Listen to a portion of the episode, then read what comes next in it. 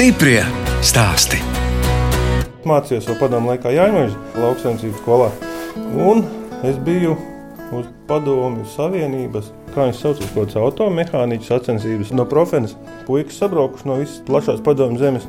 Dažādi instrumenti asināšana bija ar rokām, tur šis tur jāizīlē. Mašīnai kaut kāda tur mēsli jāparemontē. Kā jau sacensībās, tā kā uz ātrumu, precizitātes kvalitāti. Un tad man iedeva medaļu. Padomu laiku virsū rakstīts Maskera zelta tīra roka, kas nozīmē tulkojumā meistars ar zelta rokām. Tā stāsta Jānis Saulītis no Valmieras novada Burtnieku pagasta. Es, žurnāliste Dāna Zalamane, šoreiz patiešām ciemojos pie cilvēka ar zelta rokām. Jānis savā darbnīcā laukos ražo paneļus no rudzu salmiem, ko izmanto māju būvniecībai. Pirms trīs gadiem Jānis izveidoja uzņēmumu Seno tehnoloģiju parks. Viņš izaudzis un visu mūžu dzīvo apdzīvotā vietā, kuras nosaukums ir Pīdriķis. Vienlaikus tas Pīdriķis bija pie Valmieras pagasta, tad viņš bija pie Burtnieku pagasta. Bet ļoti labi jūtamies savā komunā, un par cik esam pietiekoši spēcīgi un vēl dažiem gados jauni, tad mēs varam tikt ar visu galā. Mājai nomainījām jumtu, sakārtojām kanalizāciju, ūdensvadu. Ceļš ir gan pašā mājā. Viss, kas brauc garām, skatās. Jums te gan beigas labi, jums laikam beigas labi pārvaldnieki dzīvo tajā mājās. Kāda pārvaldnieka mēs te paši izdarām? Mēs jau gan to vārdu lietojam reizēm tā drusciņā tādu. Nu, jā, jā, nu tā drusciņā tā kā pasmēķis. Nu tāds tā, tā, pagaisu, jā, jā, jā, tāds pīdriķis vien ir. Jā, jā, bet uh, mēs tādi gruntīgi džeki esam, tā kā nemaz tā nevar teikt. Un no kā tas nosaukums? Tas no kaut kādiem muižas laikiem? Nu, man liekas, jā, mēs te pavisam nesen skatījām vecās kartes. Parādās šajā apvidū nosaukums Dīdrikhofa. Tas kaut kā atvasinās no tā vāciskā, no tā Dighofa, pa pidriķa palicis. Tipveida astoņas dzīvokļu mājas, kuras būvēja priekš saviem darbiniekiem kolhozos. Tepat netālu fermas bijušās, govu fermas mums divas bija. Un māma arī fermā strādāja, tēvs bija traktorists. Braucāt tētim līdzi? Jā, jā, jā. Nu, tēt... Sēdēja blakus traktorā. Svēta lieta.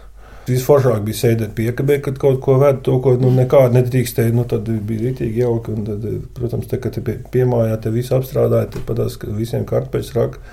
Tad tāda liela bleķa gabalā krāmēja kastes virsū, un tur veda, un tur sīkiem lielāku prieku nevajadzēja kā tik pavizināties. Un te jau apkārt visiem, praktiski šajā mājā, visiem bērniem tēti bija traktoristi, un mamma strādāja fermā. Pavasarī visi bērni rindā tie govs ganījuši, Tas visjaukākais bija naktas ganībās, iet, kad vakarā izlaiž govs ārā, tad prom visi uz pļauju govim līdzi. Protams, aploki jau bija, viss bija, bet vienalga tā nepaliek tā kā tagad govs palaiž un sveiklaiņas tur staigā. Tad bija ganiņš vienmēr klāt, un pat uh, vasarā pat uh, varēja naudu nopelnīt, maksāja algu, protams, saimniecību pa ganīšanu. Vietas nebija jārevē? Bija, bija. Vai traki bija kilometru vagas, tagad es jau savai meitai teicu, Viņai te mamma paprasta to puķu dobīt, ka tu ārā bildē izravēt. Nu, kas tur tāds spaiņu liela puķu dobi, jau, jau tur čīks un raustās. Es saku, tev vielu iedzīt desmit vagas, 500 metru garas. Nomirt truši pēc 200 metriem. Tajā laikā jau govis bija un nu, cūkas te audzēja, un sienas, bet traktori jau nopļāva, bet praktiski rokā viņš tur bija jāgroza, jāžāvē un jākrāmē zārdos. Un, ja kāds atbrauc vēl saprasēja traktoru, tad jau bija baigs malks. Savus kartupeļu lauks jau katram jau pagrabti, kas mums te zem mājas tagad bija līdz malām pilni ar visu kaut ko, jau vajadzēja priekš pašiem. Un arī priekš visiem lopiem sagatavot ziemai. Tur lobrības biedrs un kaut kādas saknes, ko tik tur neaudzēja. Jūs te bijāt daudz bērni? Man bija brālis, un vēl tagad ir māsa. Mums te bērni netrūkst. Bija, bija ko trūkties tiem visiem vecākiem un vecākiem. Un mums arī visiem tika agrāk. Ja tu biji pelnījis, tad dabūji rītīgi pamīzi, tā kā tad maz nelikās. Ko te jūs darījāt, kāds blēņas? Ko tik nē, tad pat tās populārākais variants - aiziet zemes uz kaimiņu dārza, palasīties pa krēslu. Jā, kad... tur garšīgāk. Jā, tas jau vienmēr bija labāks. Savā dārzā tā nav nekāda gudrība savu zemes apēst. Ar kaķenēm mēs te klētī logus šaudījām. Viss, vis, kas pienākās mūsu paudzes bērniem, to mēs visi arī darījām. Uzpīpēja kaut kur aiz stūra, tad pīpēšana baigi labi ārstēja. Tie, kas eh, varbūt zina tādu veļas mašīnu, Rīga 17 bija tāda muca ar līku šļauku. No, ar to šļauku trīs reizes sitiens pa muguru pareizā virzienā un noņem pīpēšanu kā rokas, jau šodien nepīpēja. Paldies mammai! Nu, 300 metru no mājas mums bija vecā padomi, tās saimniecības būtnieki mehāniskā darbnīca. Kalējs mums bija kalēja jēzus, viss, kas pienākās. Veču traktors remontēja. Protams, tajā laikā jau sevišķi tādā kā augstāks padomu laika tradīcijās veču sadzina traktors darbnīcās, salien kurinātavā, aiziet uz veikalu pēc lētiem vīniem un sēž un filozofē. Darbs iet, nauda nāk, viss notiek. Nu, tad puikām tie bija tie labākie laiki. Mēs tikai pie kalēja jēdzas, sēžam kaļām kaut ko, tad tur kaut ko zāģējam, bija pat metināmais. Tad tā mēs lēnām pašmācības ceļā metāla apstrādi apguvām. Tagad mēs to gabalu, kur tā darbnīca bija, to mēs nopirkām. Un vecā darbnīca drupas es novācu, to gabaliņu sakopu nolīdzināju. Nu, man ir plāns, ka es tur nākošajā gadā uztaisīšu savu ražošanas cehu uz tās tieši vecā darbnīcas pamatiem. Kā tad jūs to profesiju izvēlējāties? Dzīvojoties pa to darbnīcu, jau bija skaidrs, ka kaut ne, nu, kāda tajā, profesija būs saistīta laukiem. Tajā mūsu laikā jau viss bija vispār vienkārši. Burtnieku skolā mācījās visi vietējie padomju saimniecības bērni, kuriem tēti pārsvarā bija traktoristi šoferi vai mehāniķa darbnīcā. Māmas bija vai nu teiksim, kantora darbinieces, vai slaucējas, vai lopkopējas, vai, vai lauka brigādes dāmas. Reti jau kurš kaut kādā eh, izdomāja, ka būs kaut kāds arhitekts vai kaut kas. Jānis Saulītis Jāņmožs profesionālajā vidusskolā, kur bija pat jāiztur konkurss, lai varētu mācīties, kļuva par plaša profila traktoristu mašīnistu. Pēc armijas viņš vēl paspēja nedaudz pastrādāt vietējā kolhozā. Tad man piedāvāja padomju saimniecībā uz tā vārdu zāles pļāvēja strādāt. Es domāju, nu, nevaru laist garām. Tad, iespējams, tikko cilvēks atnāca no armijas spēka gados, no, nu, tad es gan tagad te izpļaušu, un tad nu, es strādāšu. No rīta no pieciem augšā, un tad es te pļauju, kas zibēja vienu, un līdz vakarā desmitiem. Un, Kā jauns neprecējies darīt, tur nav ko. Bija kaut kādas normas, kaut kādās kategorijās dalījās, un tad es domāju, nu, pff, divas normas, trīs normas nopļūt to, ko dienā vajag. Un, nu, tad man tagad būs tie rubuļi, tā kā jūra. Aizgāju algas dienā uz, uz kasi. Tas kaut kāds 120, 130 rubļi tur bija. Skatos, Entuziasms no. Skatos tie pārējie, tie, kas tur bumbieru daudzīja, baigi jau mazāk nav pa mani. Tad nākošā mēnesī Tad jau sākās tas rītīgais sienu laiks. Viena tantiņa jau pie ceļa jau gaida māju rociņu, ka viņai veiktu sieniņu nopļūt gotiņai. Tad jau nebija savas tehnikas, nevienam tādiem privātiem. Visi ar to pašu kohos tehniku, kurus legāli, kurus nelegāli, to pašu jau vien darīja. Visu. Un es tur pahaltūrēju, vienreiz pahaltūrēju, otrais pahaltūrēju. Ap 200 kaut kur tiem rubļiem, precīzi neatceros, aizgāju to kases lodziņu pēc mēneša. Man par kaut kādiem 11 rubļiem tik mazāk kā iepriekš mēnesī. Tad ir skaidrs, ka īstenībā jau neviens padomju savienībā nav tendēts uz pārstrādāšanos. Galvenais ir iet uz darbu, tad jau viss būs labi. Bet eh, pēc tam es nekad neesmu bijis tādā vietā, kur maksā par to, ka tu esi darbā. Es vienmēr esmu bijis tādā darbā, kur to, ko tas savam rociņam sadara, tik to arī saņem. Jā, bet tie 90. gadi Latvijas laukos nemaz nebija tik vienkārši. Daudzi taču tomēr palika bez darba un visādas nu, privatizācijas, jā, jā. un kas tik viss te nu, notika. Kā bet, jums tajā laikā gāja? Mēs jau arī brāl bijām jauni brešu zemnieki saucamie. Katram e, mums bija sava zemnieka saimniecība. Bet mums kaut kā baigi negāja, jo nu, pie tās kolekcijas mākslas dalīšanas, pie tās tehnikas, un pie kā mēs te beigās netikām. Bija šī grauds, šī kartupeļs, nekādas lielas zemes gabala nebija kaut kāda 11 hektāri. Tur jau neko baigi neizaudzēja. Beigās, kad pienāca tā zemes reforma, viņi tā kā bija jāizpērk, un tās naudas tur tādas nebija, par ko viņi baigi izpirkt. Bet tā mēs viņu arī nenopirkām. Un brālis nopirka traktoru.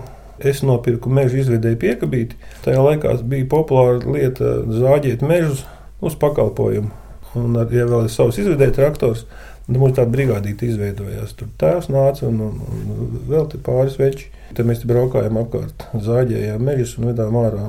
Un tad pienāca kaut kāds brīdis, kad parādījās tāda populāra lieta, kā zāģēt taras dēlīšus. Metri 20 garumā aptuveni tādu mazu šauru dēlīšu, kastēm, un, kastēm un paletēm un visādām. Nu, ja eksportā gāja, kurš tādu zāģi var nopirkt tajā laikā?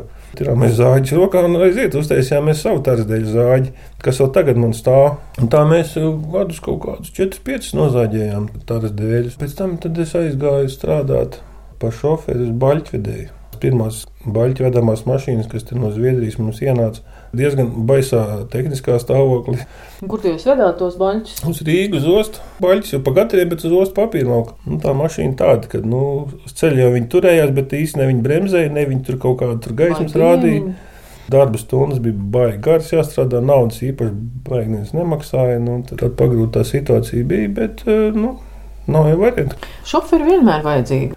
Nu, tagad arī tās prasības, īstenībā tā tehnika jau arī paliek stipri labāka, un šoferiem tās darba stundu ievērošana. Kā mēs kādreiz braucām? 28, 36 stundas brauc vispār, nekādas ne tur uzskaits, neko. Pašam bailes tagad liekas, bet, ka nu, neaizmigt pie stūres. Ne, ko jaunībā neizdarīs. Tagad es tā nebūtu noteikti darījis.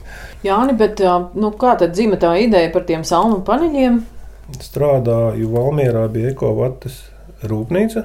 Tad mēs ražojām to ekovati.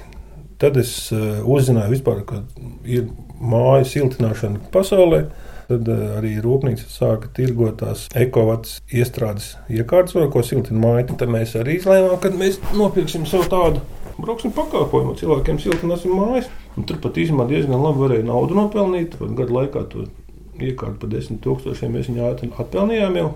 Smago mašīnu nopirkām, ko mēs arī ātri atpelnījām, bet ar to ekot strādājot. Jūt, kad mums uh, ienāca, kad viņi pūš, nu, viņai tendence nosēsties un kaut kur tā kvalitāti nevar tomēr iedot tādu 100% garantiju. Nu, domāju, nu, kas vēl tāds ir, ar ko siltināt to māju, lai patiešām to kvalitāti var dabūt un to nu, garantēt, ka tur patiešām nekas nebūs. Nu, tad tā rūpnīca notiek Valmērā, tad mums tā ražošana beidzās. Bet tajā māju siltināšanas un kaut kādā māju būvēšanas procesā es biju iegājis un likās baigi interesanti. Atradu internetā, kad lietuvieši ražo tādus saumu paneļus, no kā taisa mājas. Bet viņi arī gudri. Viņi mums parādīja tikai savu māju un, visu, un vienu paneli, kas viņam šķūnī stāv. Jo viņi laikam saprot, ka nu, tādu gudrnieku jau droši vien daudz kā es.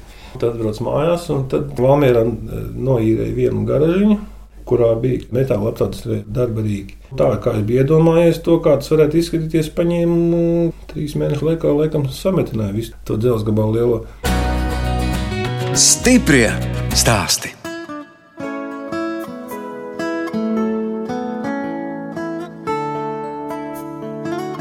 Jūs klausāties raidījuma stipri stāstī. Šoreiz ciemojos pie Jāņa Saulīša, Valmieras novada Burtnieku pagastā. Jānis izveidojis uzņēmumu Seno tehnoloģiju parks un no Rudzu salmiem gatavo paneļus māju būvniecībai. Latvijā uzceltas jau piecas šāda veida mājas. Kopā ar Jāni dodamies uz viņa darbnīcu, kur vienā telpā ir darbnīca ar dažādiem instrumentiem, bet otrā telpā atrodas Jāņa izveidotā iekārta salmu paneļu ražošanai. Šī bija kādreiz padomju saimniecības burtnieki, otrā iecirkņa kantoris un svarbmāja. Tur sēdēja brigadieris tajā istabiņā, rakstīja traktoristiem visu dokumentāciju, tur pavadzīmes un ceļzīmes un uzskaita visu vedu. Tur bija tāds svaru pulkstenis, kā iedos traktors nosvēra, brauc ārā visu sarakstījumu. Un tad šito man tēvs papājām privatizēja, mantoja no tēva, baigā nekāda vērtība viņam nav. Viena brīdi burtnieki gribēja viņu piedāvāt, lai nojauktu un mieras, bet nu, nojaukt jau ļoti viegli ir. Es viņiem teicu, jūs pirms kaut ko uzbūvējat savā dzīvē, tad jau tur nosaka. Nu, te mēs druskuļi ieguldījām līdzi iztaisījām grīdu, betonu grīdu. Jā. Te ir tā mūsu slepenā iekārta. Es esmu daudzreiz teicis, ja vēl kāds vēlas startēt un nokopēt, nu, lai pamēģinātu. Mēs kaut kādus trīs gadus pavadījām, kamēr atradām to risinājumu. Jā,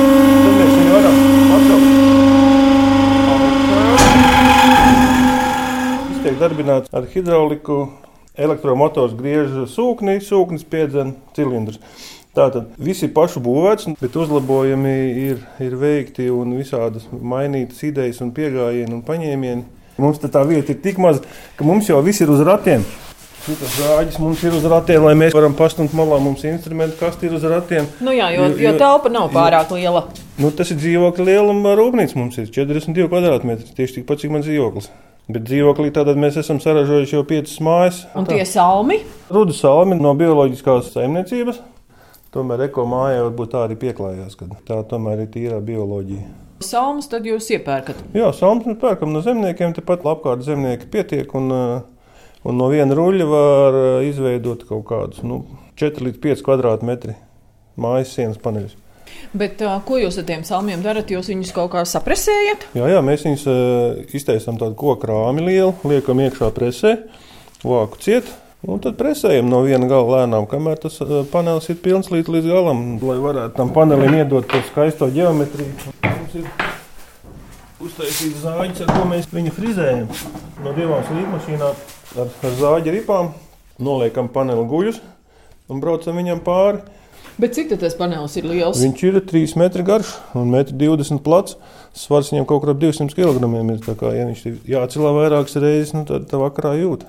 Un tad taisnība iekrīt, ka bija burtnieku novadā ideja konkurss par dažādām jaunām biznesa idejām. Un tad to konkursu palēmējās man vienēt, un es e, dabūjām balvā 1000 eiro par ko mēs varējām stipri modernizēt jau savu ražošanas iekārtu. Mums jau tagad tā tehnoloģija ir pamainījusies. Ja mēs agrāk izņemot paneli no preses, mēs viņu kādas reizes, trīs, četras cēlām augšā, lidām lejā, cēlām augšā un lejā lejā.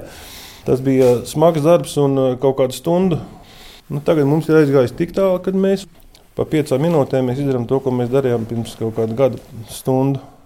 Jāņa istabā atrodas mājas makets, kurā var redzēt dažādu izmēra salmu paneļus. Te ir virsloga panelis, zemloga panelis, vēl viens panelis. Vienkārši viņš liek tā kā klučus virsū. Nu, tā kā keramzīta bloks tikai jā, no salmiem. Jā, jā, jā. jā. Bet, nu, keramzīta bloki tādi maziņi, bet šitie tādi lieli jau līdz 3 metriem augstumā. Ātri var uzcelt. Nu, mēs to māju raunā no 9 līdz 5. Katrā ziņā četras sienas mājā samontēt var, jā. Līdz 100 kvadrātmetriem jau pa vienu dienu var samontēt. Un tad tagad no jūsu salmu paneļiem cik mājas uzbūvētas? 5. Viena ir Valmjerā, viena tagad Raunā, un tad ir uh, Tukums. Ir. Un te pie Raiskuma ezera viena. Viens ir ideja. Sarežot to salmu paneli, bet kā pārliecināt to cilvēku, ka šāda nu, māja viņam nu, jābūvē? Ta, tas ir tas uh, trakākais, un šis produkts ir īstenībā jauns. Neviens jau baigi viņu nepazīst. Un tas, ko nepazīst, no tā cilvēka baidās. Nevar viņu mēģināt uzspiest varmācīgi, bet katrā ziņā ar katru gadu uz priekšu ejot, ir redzams, ka uh, tā interese aug. Kādi ir tie izplatītākie mīti par savām mājām? Viens ir tas, ka e, tā māja nodegs. Nu, un, ja viņi visi pilnīgi nenodegs, tad tas, kas paliks pāri, to peles noēdīs. Bet tie ir tikai mīti, jo tie, kas netic, lai paprasa savām vec un vecmāmām un vectētiem, viņi pateiks, ka rudas salmos peles nedzīvo. Es iztīnu jau pārpa simts ruļus jau. Es nevienā rullī vidū ietītajā neesmu nevienu peli saticis, jo viņas tur nelien, viņām tur ir pa blīvu, viņām tur nekas nav ko ēst, jo mūsdienu zemnieks izkuļ to labības lauku tā, ka tur nu neviens grauds vairs nepaliek. Un ar uguni ir tieši tāpat. Daudz jau zina, kā ir sāla rullis, cik viņš blīvs, un jau, jau viņi nevar nodedzināt. Bet sāla ruļļa blīvums ir vēl tikai pusi no tā, kas ir panelim blīvumā. Nu, mēs bijām Vācijā uz vienu pasākumu Pie ugunsdzēsējiem man bija līdzi salma, šis pats mazais panelītis, 7 cm biezumā. Tad es viņiem piedāvāju uztaisīt uguns testu. Tāpat vienkārši uz lodām klātā ir laižam uguni un dedzinam viņu. Vācietim tajā ugunsdzēsī būs viņa termokamera, tāda moderna, tāda rīktīga smuka. Tagad mēram tajā pusē, kur eh, deg, tur kaut kur pie 800 grādiem. Viņš otrā pusē pamēra, tur kaut kas ap 40 tikai. Saku, nu kā tas var būt? Nu, kas, tur, kas tam panelim tur ir iekšā? Es saku, tur iekšā tikai salma, tur nav nekā. Dēļ tā blīvuma arī tur jau skābekļi nav. Īsti jau nav kam degt. Viņš degot, pētot diezgan daudz pelnu. Viņš to otru salmu tā kā aizsargā. Ir tas salmu panelis, un ko to liek viņam pa virsmu? Pirmais ir vēja barjera, kaut kāds materiāls, kas nelaiž cauri vēju. Tātad, vai nu tā būtu tāda pretvēja membrāna, apmetumu var likt pa taisnos tiem mālim. No ārpuses kaļķis, no iekšpuses māls. Nu, pēc tam dēļ apdara no ārpuses vai kaut kas. Vienīgais, ko nedrīkst darīt, tas ir uzlikt kaut kādu plēvi, kas nelaiž cauri mitrumu. Jo kā ir lietas un saule. Ultravioletes starojums viņu izdēdē, lietas veido to mitrumu, tad, tad ir sēnes klātī un tas salms jau piecos gados tur no tās mājas nekā vairs nav. Bet, ja tas ir kārtībā, viss tad uh, nav problēmas. Jā, ko jums deva tā pieredze Valmieras biznesa inkubatorā? Nu, ko jūs tur iemācījāties? Man bija ideja, man jau bija māju uztaisīt. Man bija jau produkts, jau būtībā reāls, jau pat uh, bija viņa testēts jau universitātē. Man ir ražošanas iekārta jau izstrādāta. Vienīgais, kas man nebija nauda, man nebija sava un tirgus nav. Es cerēju, ka viņi man varēs ar to tirgu bišķi varbūt kaut kā tur kaut kā piesatīt vai, vai kaut kāds līdzeklis iegūt ražošanas iekārtē. Tikko, kad iestājas inkubatorā, atnāk vēstule, tev ir piešķirta 200 tūkstoši. Es gandrīz no krēsla nokritu. Nu, tad gan es tagad varēšu taisīt. Sācu lasīt eh, smalkāk visu to papīru, kad saprotu, ka tev ir 200 tūkstoši piešķirti no valsts. Ja tev ir savi 200 tūkstoši, tad, ja man ir nulle, tad valsts man arī piešķir nulli. No divām nulēm bez tā viennieka priekšā baigi jau neko nevar izdarīt. Bet inkubatoram vajag tādu strauju attīstību, jo viņiem jau laikam tie Eiropas projekti nāk un tās naudas nāk, un viņiem vajag viņu apgrozīt un atskaitīties, ka nu, šito mēs esam stimulējuši, kad viņš ir izaudzis trijos gados jau, jau, jau par eksportējošu uzņēmumu. Nu, man tā nebija. Tad man atzīmēja pēc otrā gada pateikt, ka nu, mēs skatāmies, ka tev jau ir labi, ka tu jau tā kā lēnām pats varēsi attīstīt uz savu biznesu. Bet ar likvidēju vieni baigi pamāst, tur, ja tev nav savas naudas īsti, vai, vai tev nav kur reāli paņemt. Bet kur jūs to naudu esat ņēmis? Savu naudu esat ieguldījis? Nu, jā, nu, Investors jums jāmeklē. kuram patīk jūsu ideja par salmu. Jā, jā, tas ir uh, ceļš, kurš būtu izskatāms. Mēs no inkubatora braucām pie viena. Tā ir nu, apmēram tāda, ka lielās mašīnas stāv rindā pie vārtiem. Viena mašīna gāž iekšā tajā rūpnīcā salmas, otra gāž baļķus, trešā izgāž kravu ar skrūvēm. Tad tur visādi zobrati griežās un viss kaut kas tur notiek, un spiežās, un maļās, un kaļās un slīpējās. Otrā galā vilciens jau stāv, kur uz platformām krāj virsū jau paneļus un rullē projām uz Zviedriju, uz Somiju, uz Itāliju. Čak, tā ir ražošana. Ko tu te ņemies? Kā būt? tas ir Jānis, nu, pēc šādiem gājieniem, nu, drusku nenolaižās tie spārni? E, viņi, teiksim, tā nolaižās. Jā, ir vajadzīga tāda tā kā tā raunas mājas būvniecība, kur izsludina sociālā tīklā, kad tad tur sabrauc bariņš. Nu, tad rītīgi tajā dienā tu labi jūties, ka novērtēts esi un uh, tad atkal parādās tas asums višķiņš. Lai, teiksim, es varētu to ideju attīstīt tā, kā es to redzu, kā viņai vajadzētu kustēties, nu, man vajadzētu to, ka jūs gados izaugt līdz līmenim, kad ap desmit mājām jau gadā, lai varētu uzlikt. Jo ar katru nākošo māju, ko mēs taisam, paši jūtam, kad mēs attīstāmies, ka mēs izveidojam kaut kādu jaunu paņēmienu, kaut kādu jaunu tehnoloģisku risinājumu, kaut kādam mezglam, kaut kam vēl, un tā kvalitāte visu laiku ceļās. Un, lai tā kvalitāte ceļās, neceļot līdz to, to gala produktu cenu. Tas ir baigi svarīgi. Jo var jau neskādas tehnoloģijas ieviest ar robotiem un ar neskādiem saules baterijām un lāzeriem, bet, eh, ja tas viss sadārdzinās to pasākumu tik tālu, ka neviens viņu nevarēs nopirkt, kaut vai gribēs, tad jau nav jēga tai tehnoloģijai. Stiprie stāstī!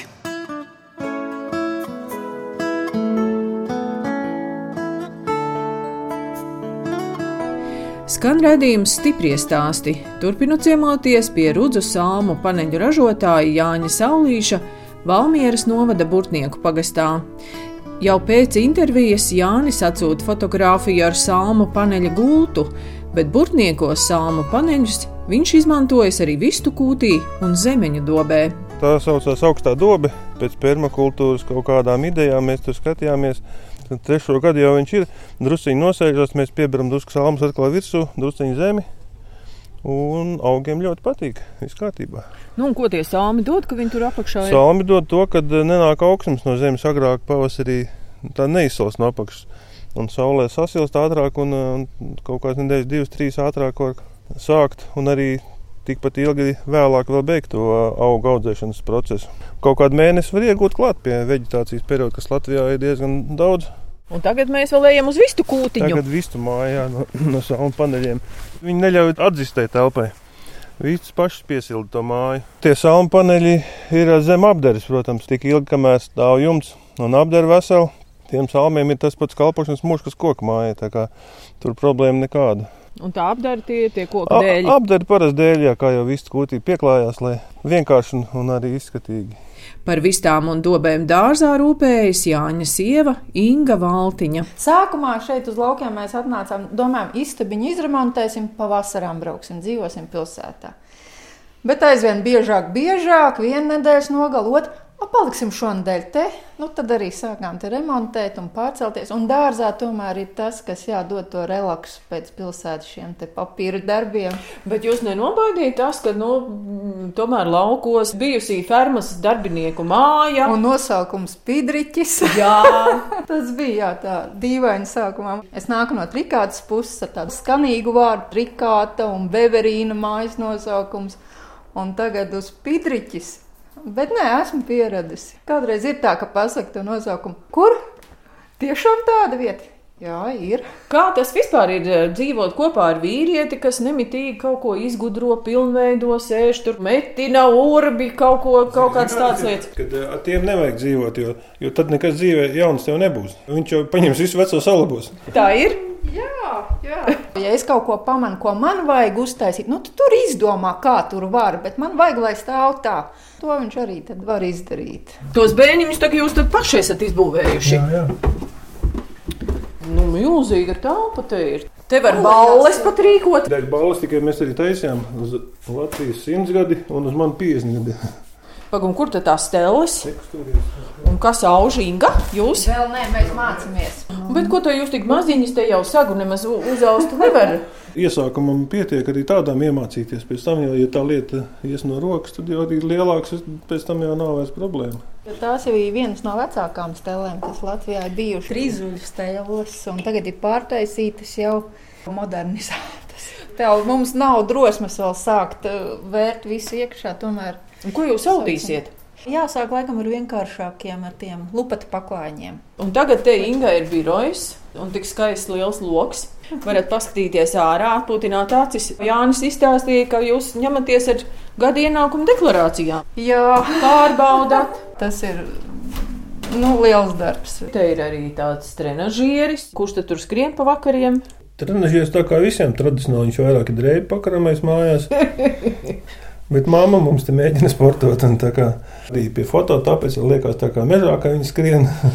Hobijs mums vairāk ir novs bijis nekā trenižieris vai vēl kaut kas tamlīdzīgs. Tikko starptautiskā novas federācija nodibināja, tad viņi tādu starptautisko reitingu, tas meistarības kaut kādu tur, tur eh, saorganizēja. Tas tur kaut kādā trīs gadus bija pirmais eh, pasaules reitinga, pirmās vietas, vietas turētājs kaut kādus gadus, divus vai trīs. Kā 300. jums tas novus tā iepatikās? Tā kā Latvijas uh, nacionālais sporta veids, un no, no skolas laikiem jau novus spēlēja. Inga arī spēlē Jā, jā. novus. Jā, jā. Bet kuram tad tie kausi vairāk? Tie ir vai pusēm, uz pusēm tie ir. Jo viņa ir Latvijas čempione, sieviešu komandā Valmieras. Pirms arī ar Jānu iepazināties, jums arī bija tā izraušanās novus. Jā, bērnībā arī trikātā spēlēja novus, arī tēvam darbnīcās bija novus, un tad mēs bērni tur spēlējām, un tajos laikos arī ārā nes un spēlēja. Un kolhoza laikos arī es braukāju uz sacensībām, tad arī starp kolhoziem bija tādas novus sacensības. Ar novus mēs esam bijuši aizbraukuši Krievija, Baltkrievija, Ukraina, Vācija, Polija. Un tad es jau no Ausas aizkulos līdz Dienvidkorejai. Vienreiz bija kaut kāds tas, eh, neolimpisko sporta veids, kaut kāds festivāls. Uz hokeju kādreiz braukājis pasaules čempionātiem. Jānis Saulītis vēl stāsta par saviem trīs bērniem. Evija Rīgā dzīvo praktiski no tā laika, kad viņa mācījās tajā kultūras koledžā. Tagad tās jaunās profesijas viņas ir tik gudriem nosaukumiem. Kad, Nu, eh, kultūras jomā. Nē, nē, viņi strādā kaut kādā menedžēšanas vietā par kaut kādu pasākumu rīkošanu un apprecējās. Ir, ir mazdēliņš Kārlis, dēls Reinis.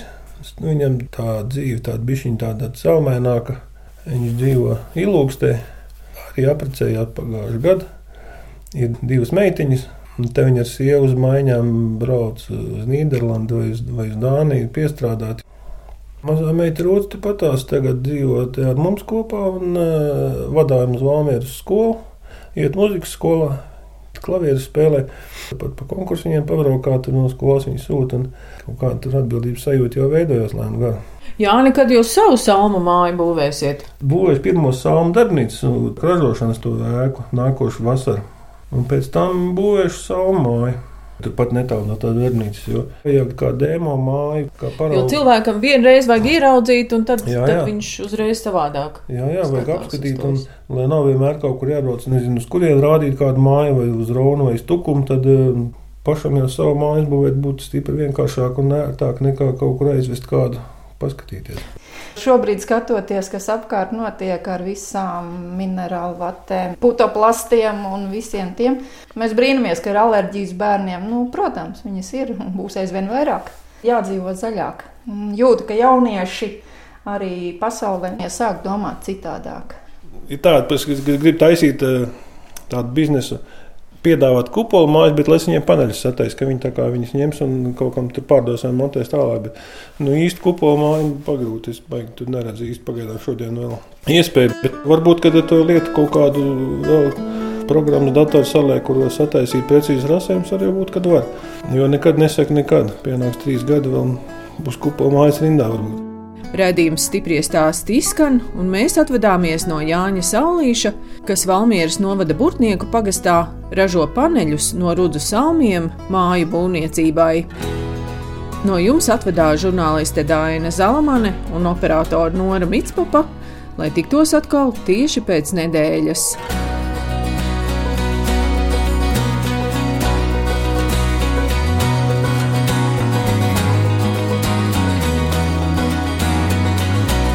Stiprie stāsti.